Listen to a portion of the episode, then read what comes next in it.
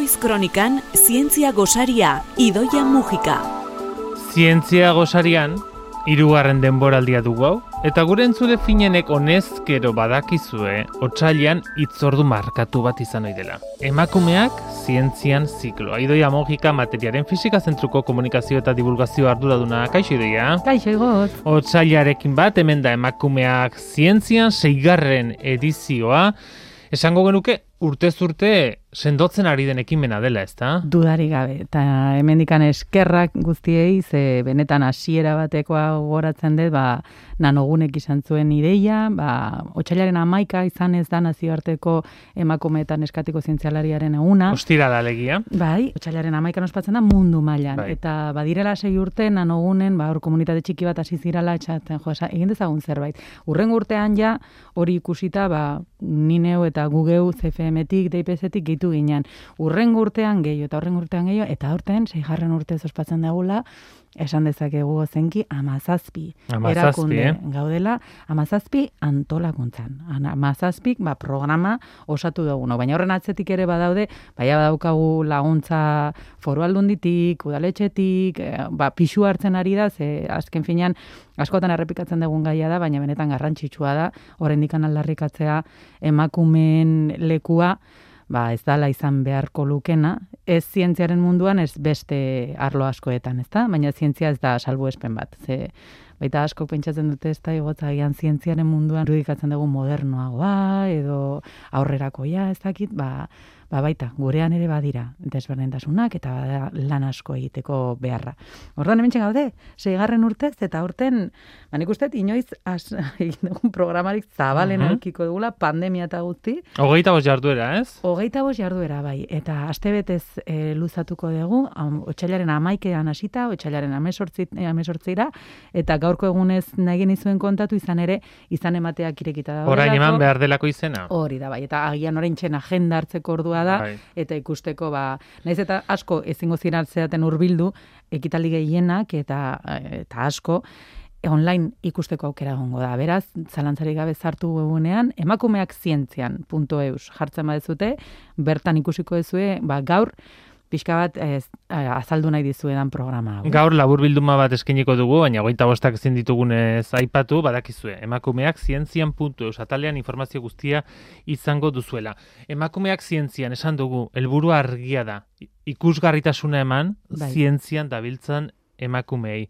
Besteak beste, belaunaldi berriek, erreferente horiek izan ditzaten. Eta horregatik da garrantzitsua ataletako bat eskolei zuzendua izaten dela, ez da idoia? Hori da, bai, gure publikoa dira dudari gabe eskolak eta emakume gazteak, baita gizonezkoak gazteak ere.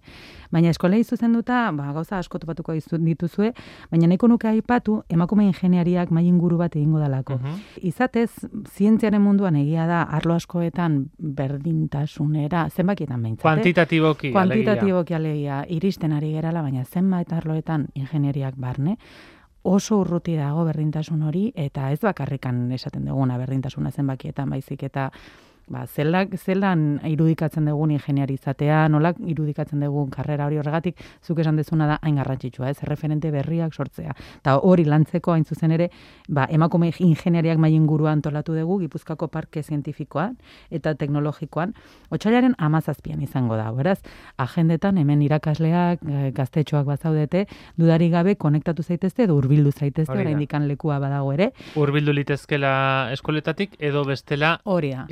Ikastetxeetan bertan online konektatu Online eta konektatu. jarraipena egin mai inguru horri. Bai, amalau emezortzi urte bitarteko ikasleak dira gure helburu, baina noski, ba, edo zein baldin badago aspertuta edo konfinatuta otxailaren amazazpian goizeko amarretan konektatu da dira. Emakume ingeniarien mai ingurua. Beste atal bat familiei zuzendu ere izaten da idoia. Bai, asko gustatzen zaigu horrelako e, programa egiten dugunean saiatzea publiko guztietara iristea.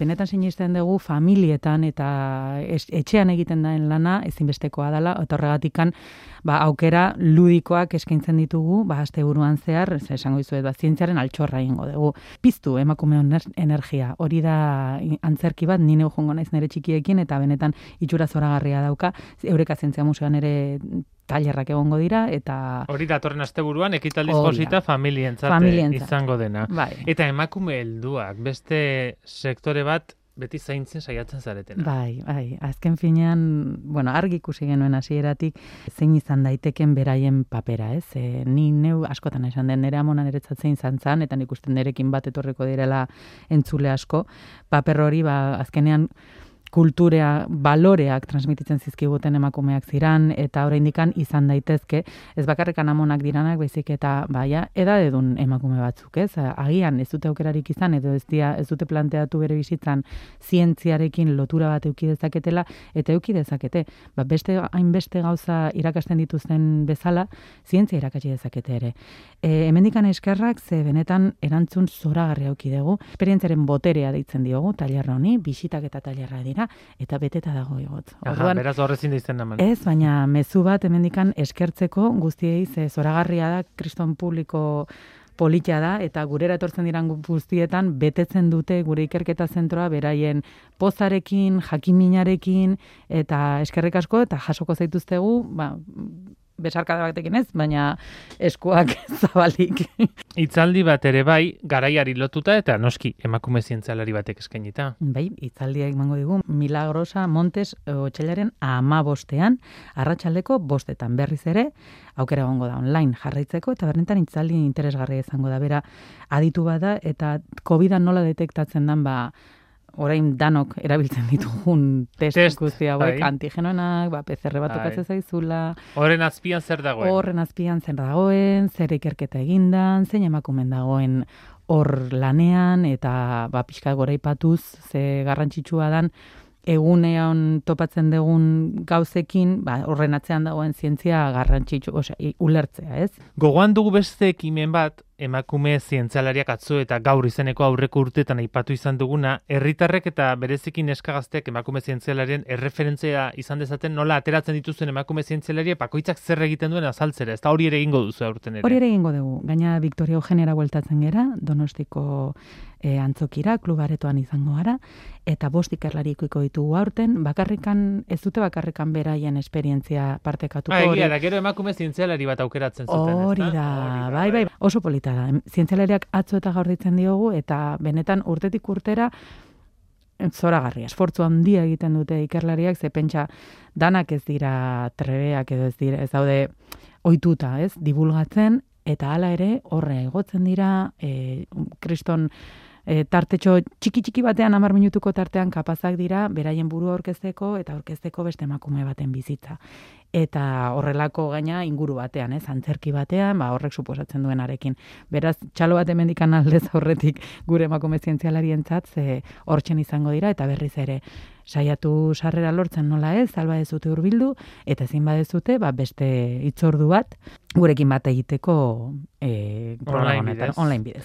Emakumeak zientzian puntu eus, hori da ueporria, eta hor guk aipatu ditugunak, eta beste hainbat eta hainbat, jarduera eta proposamen aurkituko dituzue, nahi izatera gozatzeko, Otsailaren amaikatik aurrera, emakume zientzialarien nazioarteko egunetik aurrera, antolatu dituzten jardunaldi horietarako.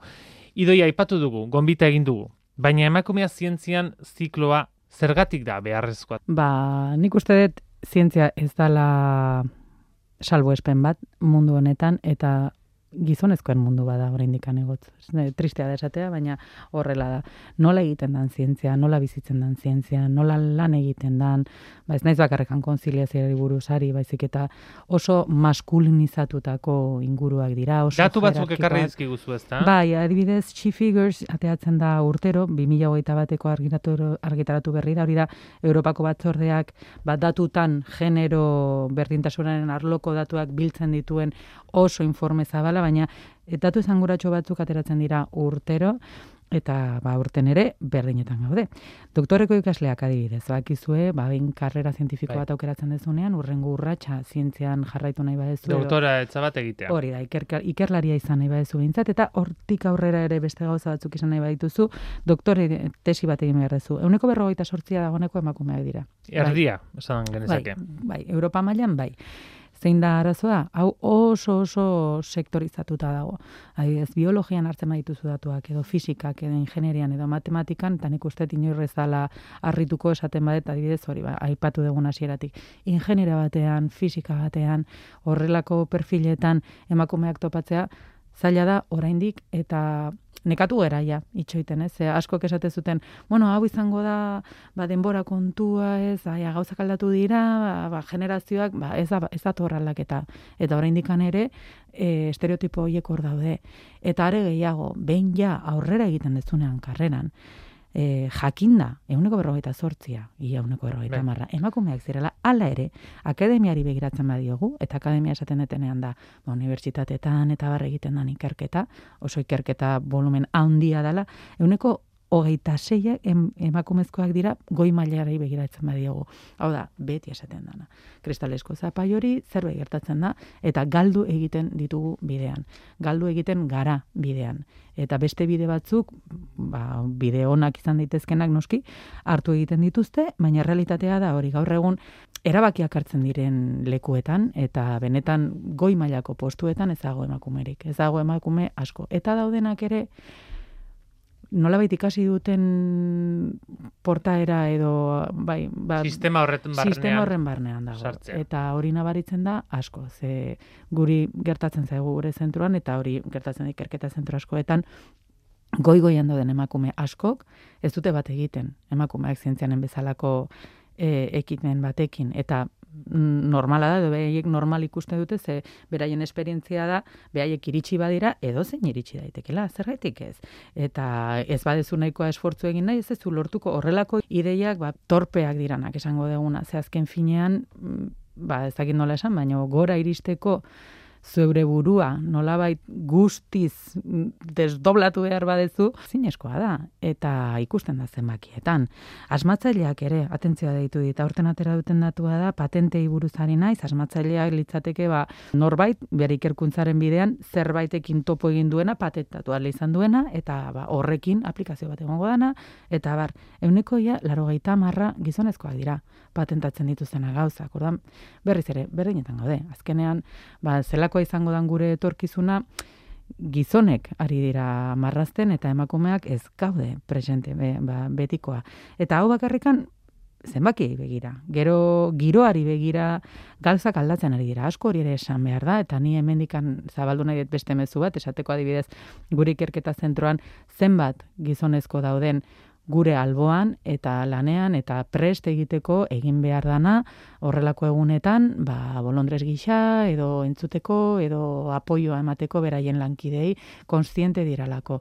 Orduan hori ere aldatzen ari da. Eta ni sentzu horretan, badaukat esperantza eta nola ez, optimista naiz. Baina... Eta lanean jarraitu behar da, eta emakumeak zientzian, ziklo gehiago egiten, hau pixkanaka pixkanaka aldatzen joan dadin. Amaitzeko, denbora gehiago ez daukagulako, beste sektore batera etorrita, gogora etorri zait, aneira zabalek eh, behin kontatu zuena. Italian nazioarteko korresponsal oso ezagun batekin topatu zela, eta galdetu zio laneri. Zuk seme alabarik eh, baldu zutan, exantzionez? Nor, noski, noski, bestela ezingo zenuke ibili biltzen zaren bezala esantziola nazioarteko korresponsal horrek. Nazioarteko korresponsal horrek lau seme alaba ditu. Uh, Baina noski, bera gizonezkoa da. Bai. Eta zitzaion emakume bat entzat, ba, hori ezin ezkoa zen. Eta... Horrekin amaituko dugu, ez daukagulako beste zertarako astirik. Apuntea, jo. Idoia mojika eskerrik asko, eta datorren astean gehiago.